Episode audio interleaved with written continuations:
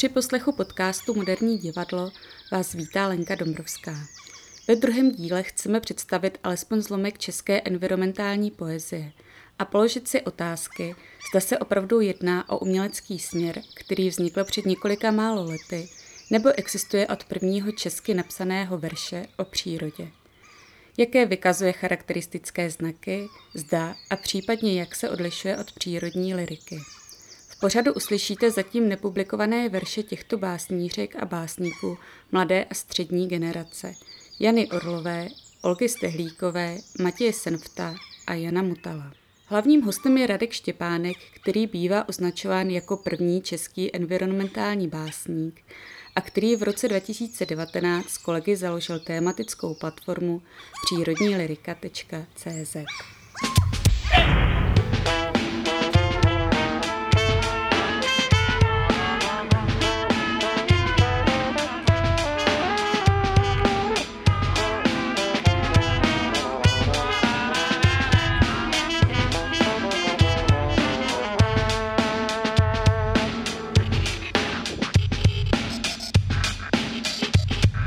Radek Štěpánek, biozátěž. Po zádech mi stéká pot. Sedím na terase, piju kávu a čtu včerejší noviny. Vědci upravují dědičnou informaci zvířat, aby vyhovovala potřebám zemědělců.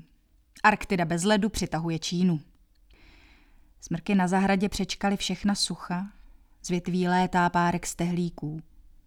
Červeň kolem zobáčků připomíná utrpení Krista, kterému na Golgotě z čela vytahovali trny vylámané z královské koruny.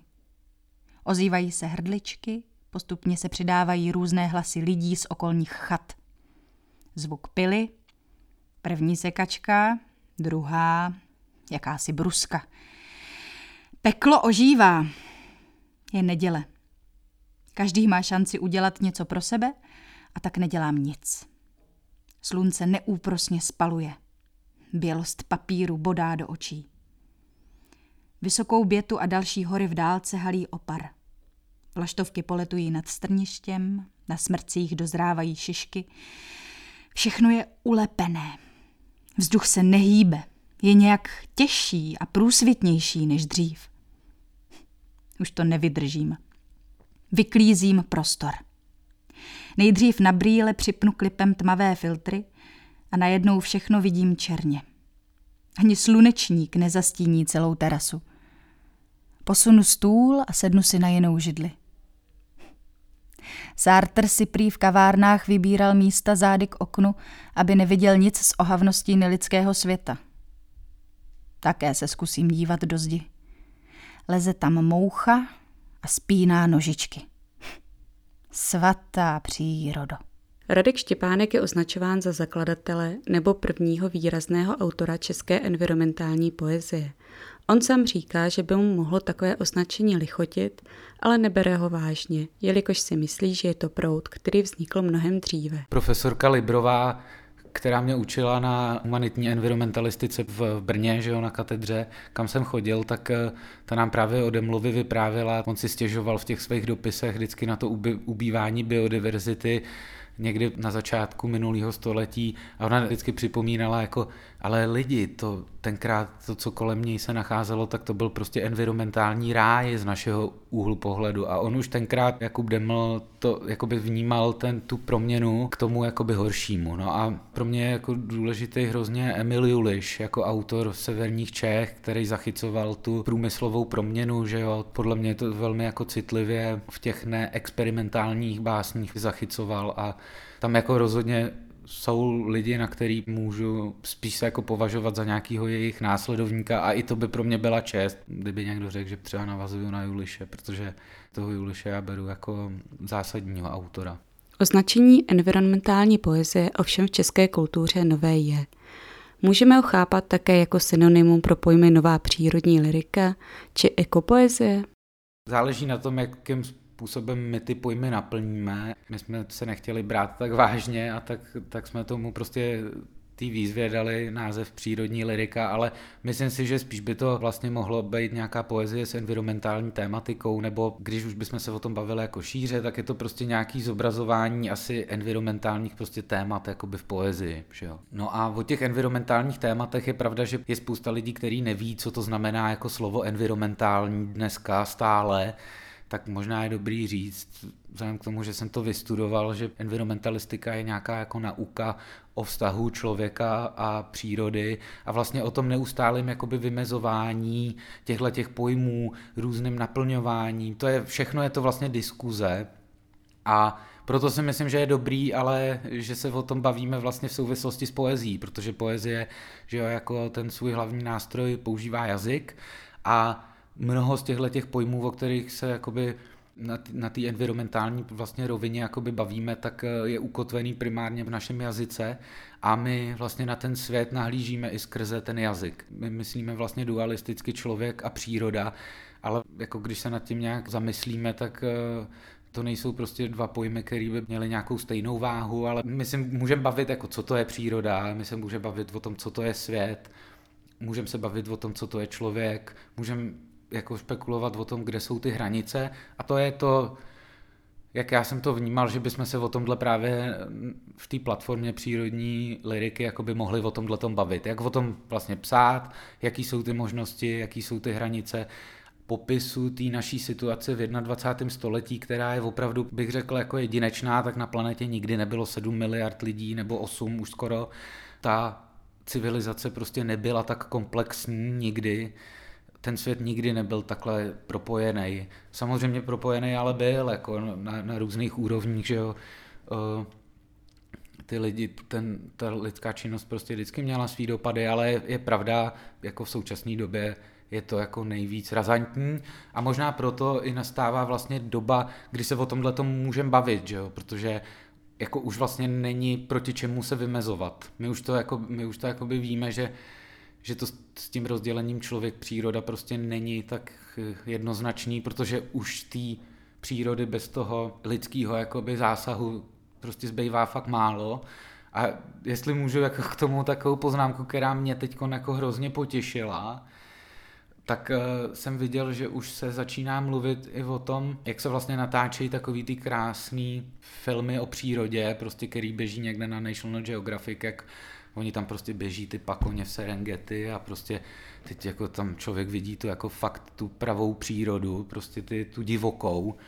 No ale teď vlastně jsem viděl, že už se jako začíná natáčet, jak to vypadá jakoby mimo záběry těch kamer, že jo? protože když zaměříte prostě se na tu hlavu toho pakoně a za ním běží těch 20 dalších pakoní a tisíc, ale vedle prostě stojí 40 uh, eh, nějakých terénních vozů, ze kterých to ty lidi prostě natáčejí a za nima je prostě někde nějaká vesnice hned.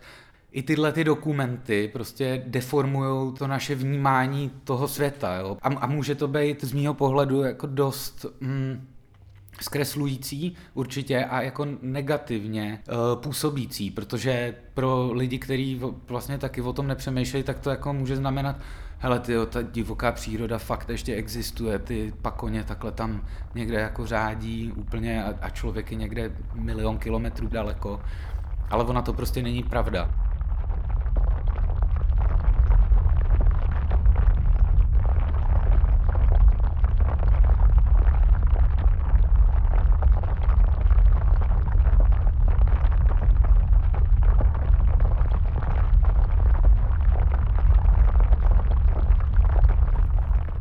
Radek Štěpánek Úhoř do moře nedopluje. Čekal jsem na záběr na břehu kalné řeky a všiml si šedé hadice, kterou unášela voda. Když se mi vylovil, byl to úhoř. Vlastně jen torzo té ryby. Přední část těla, končící hrozivou ranou tam, kde měl začínat ocas. Ještě žil. Ještě se svíhel v trávě, Oči otevřené v každém pohybu mapu všech říčních meandrů, mělčin, podemletých břehů a proudů, které vedou až k moři. A pak celý oceán, slanost smutku a bolesti, kterou ukončil jeden rychlý řez, ostří do páteře těsně za hlavou. Celý ten výjev patřil úhoři, stejně jako mě. Podělili jsme se o něj. O rozpůlené tělo sdíleného světa, z kterého každý rve svůj díl. Byl amputovaným kusem příběhu, který řeka pohltila a zavřela se nad ním, aby ho znovu vydávila na světlo tím nespatřeným a nevysloveným, svíjejícím se otazníkem na konci, hadem stvořeným z bahna na začátku.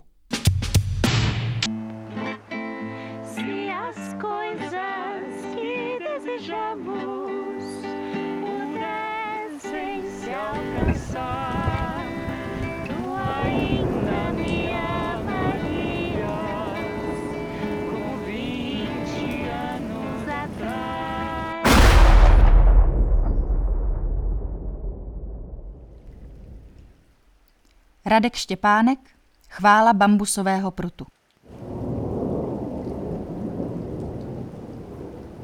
Ryby plují podél břehů, pod našima nohama, jsou mimo dosah. Většinou se díváme do dálky a házíme ještě dál. Máme pruty a vlasce, které to dovedou. Neumíme se vrátit k sobě a tak míříme co nejdál. To nejbližší nám uniká. Ryby plují podél břehů.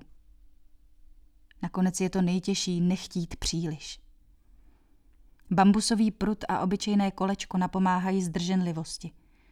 Občas se to zamotá, občas se to zadrhne.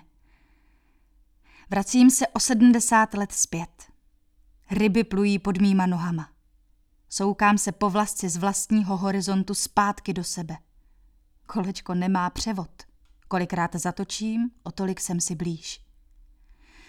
Občas se to zadrhne, občas se to zamotá. Jsem tady a teď. Jsem stromem sklánějícím se nad vodou. Jsem zatajeným dechem, jsem lovcem. Jsem zrakem a sluchem. Rybou, kterou chytám. Některými básníky však byla aktivita založení webu přírodní lirika.cz a výzva k přemýšlení nad takto angažovanou poezií odmítnuta. Některými velice prudce. Básník Kamil Bouška položil při debatě organizované psím vínem důležitou otázku, nebo spíše vyřkl myšlenku, že environmentální poezie má smysl pouze tehdy, stane se jednáním.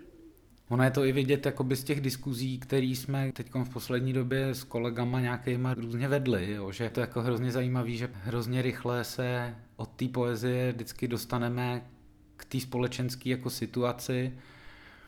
V těch diskuzích většinou zmizí jak ta poezie jako taková, tak tam zmizí ale i ta příroda. A nebo to, o čem se jakoby píše, ta náplň. A zůstane prostě jen ta společenská rovina. A pro mě je prostě vždycky osvěžující, když se mě někdo zeptá na něco, čemu rozumím, a to je, když se mnou třeba začne bavit o tom, jaký je to chytat ryby, nebo proč chytat ryby. Je to pro mě mnohem větší úleva, než eh, neustále se bavit o, o této jakoby angažovanosti. A já jsem taky ten člověk, který jakoby ví, že ta změna nějaká prostě společenská musí nastat, ale to není to, co jsme třeba tu přírodní lirikou jakoby chtěli. Jo. My jsme se fakt chtěli držet v těch mantinelech té poezie. Jo, já nemám vůbec nic proti angažovaný poezii, ať už je to jako environmentální poezie nebo jinak angažovaná. Tady v České republice nebo tady v těch postkomunistických zemích možná obecně to má ještě jinou příchuť, prostě určenou tím, co se tady dělalo v 50. letech a v té době té normalizace, kdy ta angažovanost měla nějakou jako zakejslou jako příchuť ale já si myslím, že poezie už tím, že pracuje s tím jazykem, tak má šanci ho proměňovat. Tím proměňuje i to lidské vnímání a tím může změnit fakt opravdu svět. Jo? A já prostě tomu věřím, my bychom to třeba chtěli jako hrozně rychle, že jo, a tak, a to je možná to, co je jako blbý, ale, ale jako někde v tom podvědomí to může podle mě takhle fungovat. Con que tristeza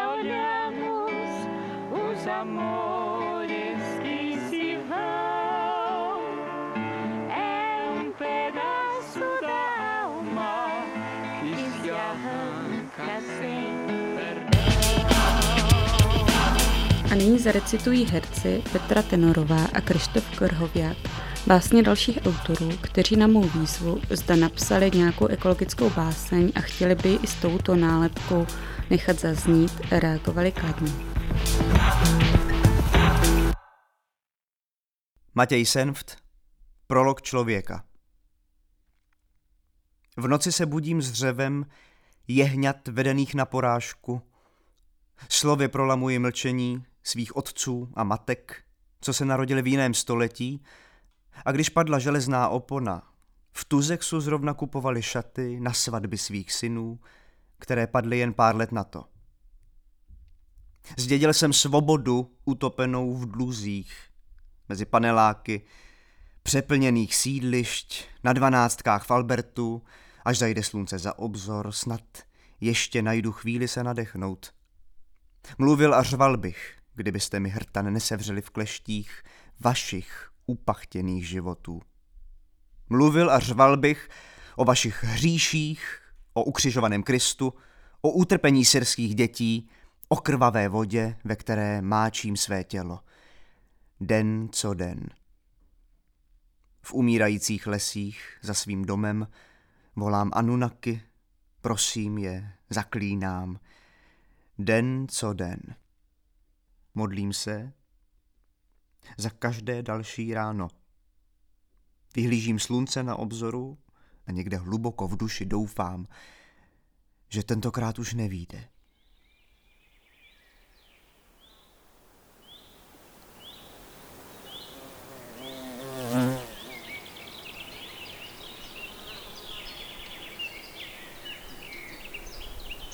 Jana Orlová Slétává mezi pavučinu ros, v rukou věci zemřelých. Mezi stromy spí a chodí po hladině. Líže otisky stop, určuje směr a hledá smrt. Koupe se v ní. V rybníku před stolety.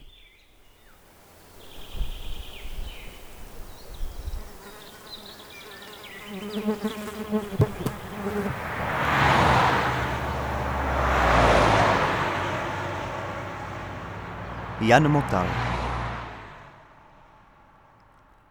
Kiosek na rohu odtáhli. Rolety stažené, homole cukru zapadá prachem, ve stínu lavičky své volník hladový. V našem čase jsou jitra tichá a potoky líně odnáší pablesky nedělní. Velký test kečupů sílí. Dopad lze čekat globální. A žezlo tvých úst chudobní spatřili nad městem. Olina Stehlíková, Rajka. Mlha padne, než vyrazím. Nad polévkou rybníka opar se zdvíhá z hladiny jako když nahlídneš pod pokličku. Kroky mastně mlaskají. Mastnota v myšlenkách smaží zbytky někdejšího. Nikoho nedržím za chladnoucí ruku. Rákosí varovně trčí kolmo vzhůru. Stuhlé žáby utichly dohrout. Nejsou už mokrý jak hadra. Mechovým kamením posouvá mlok nejtěžší oranžová závaží. Vnořím se do zeleně jako do krytu. Trny malin neumdlévají ani v listopadu. Tleje zlato na zemi, jakož i uvnitř. Proč si mne opustil, těsně než jsi přišel? Výstřel vštěkavou odpověď. I další mluví loveckou řečí rychlé krve. Nesmíš se nechat. Prsty nohou protlačuješ bahno jako halušky. Houby i hlíva ústřičná ve skle slizu dohráli odvěkou českou hru. Soused Mašek si pro vás přijde. V hlubokém roští z jeřabin a bříz jemný šustot. Jsem výstřelem, lze však jen zdvihnout hlavu. A tu se svět zastaví. Vylétne rajka v třaskavých barvách, ocasní pera sklopená dolů a už nikdy nic nebude jako dřív.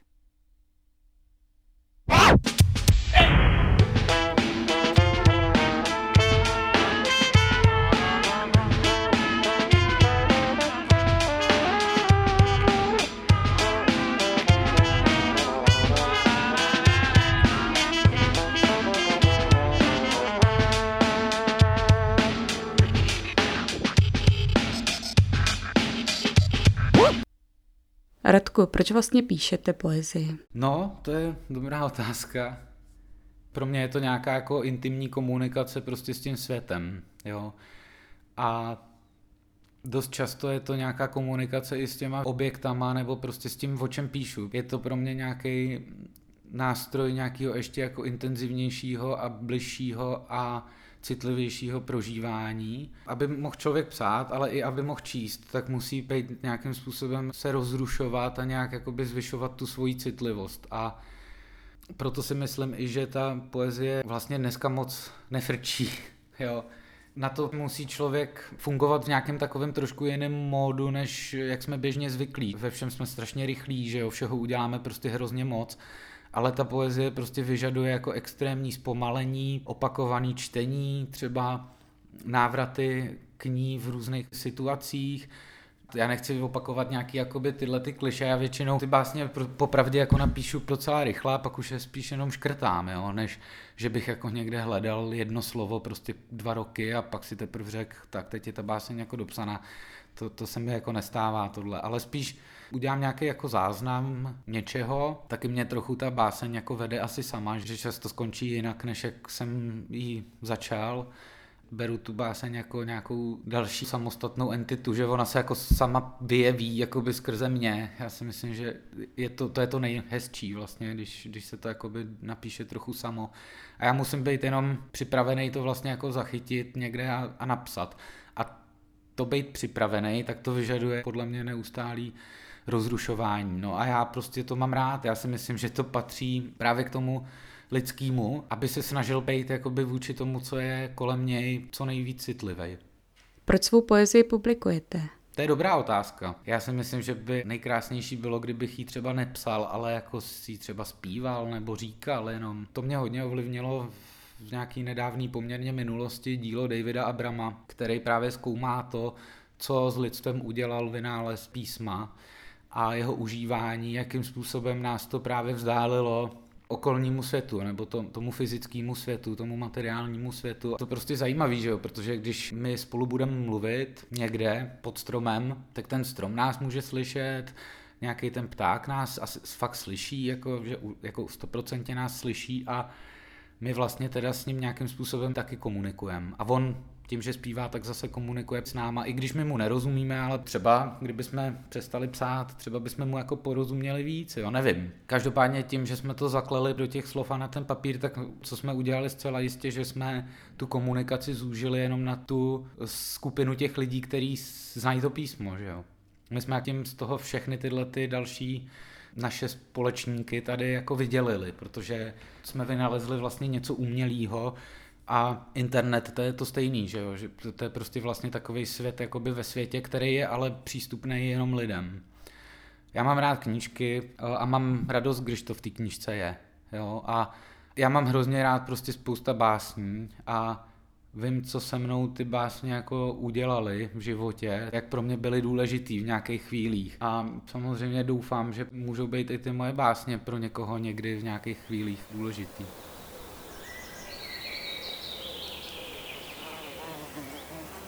Přestěhoval jste se z Jižních Čech do Brna. Neproměnila se vám témata, o kterých píšete? Máte třeba báseň o tramvaji? Ne, ne, ne, ne, já to nějak ohledávám a prožívám a jako zaznamenávám a to z toho vyleze prostě samo, no.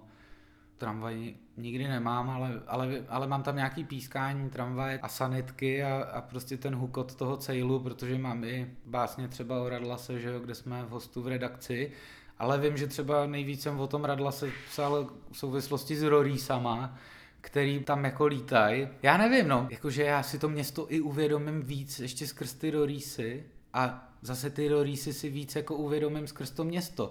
Já nechci, aby zmizelo město. Já nechci, aby zmizel člověk. Věřím tomu, že to může fungovat nějaký jako větší harmonii, ta planeta nám a všechno nám jako říká, že by to nebylo od věci, kdyby jsme se pokusili hledat nějakou tu větší harmonii. A to je možná jako by ta angažovanost, tohle, to sdělení.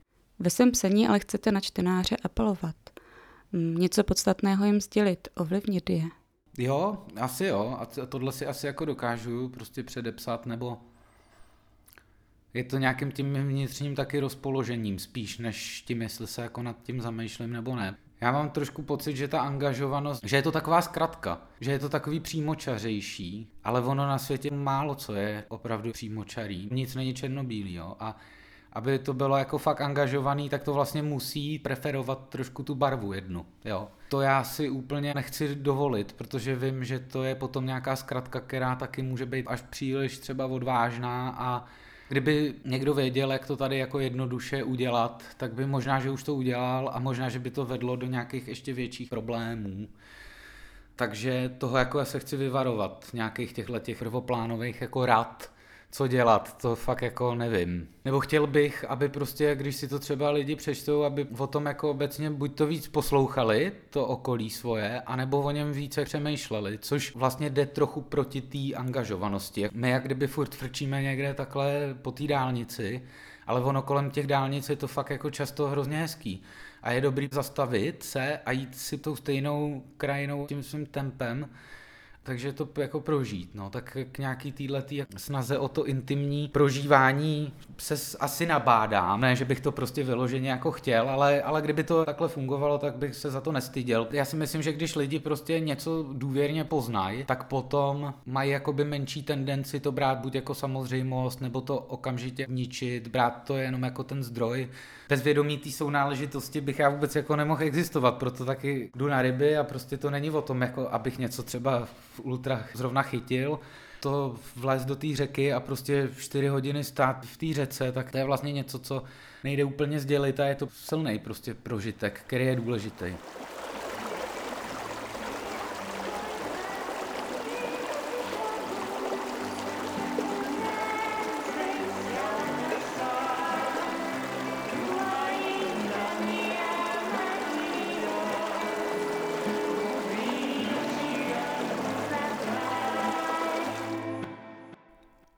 Radek Štěpánek, Boží dar. Vypadl prout a tak hned rychleji vstávám. Zatápím v kamnech ještě před snídaní. I fajfka najednou chutná líp. Zaskládáme plotnu hrnci a kastroly. Z brambor se kouří, vře voda na čaj. Celý dům se teď vejde do jediné místnosti u kamen.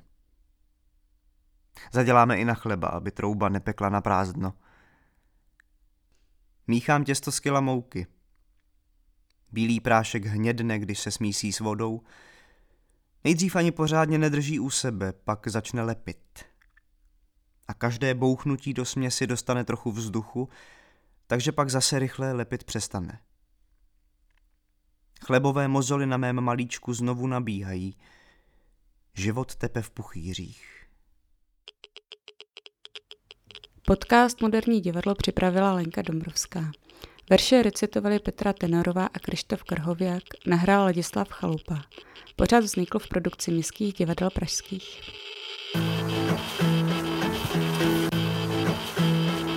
Jiskříš blízko, zkouším pochytat tvou elektřinu.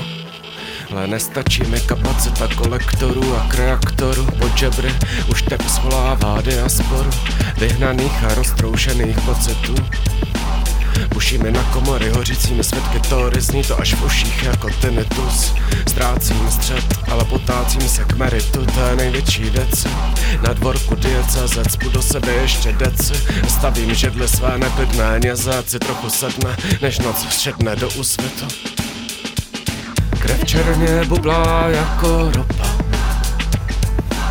Hrudě mi prudce kope kůň Po téhle lásce ve mně zbude jaderný odpad Který má poločas rozpadu jen počas tohoto doteku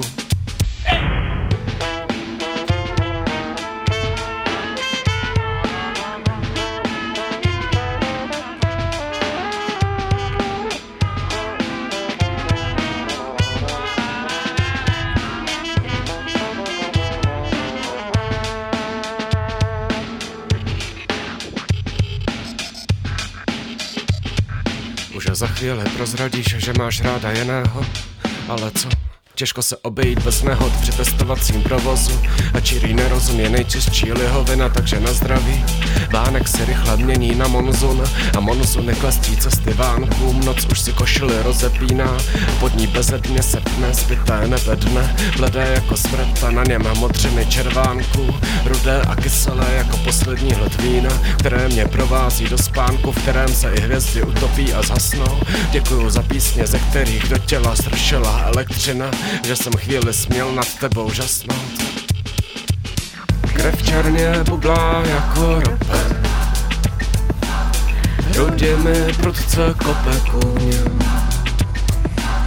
Po téhle lásce ve mně zbude jaderný odpad Který má poločas rozpadu jen počas tohoto doteku. Se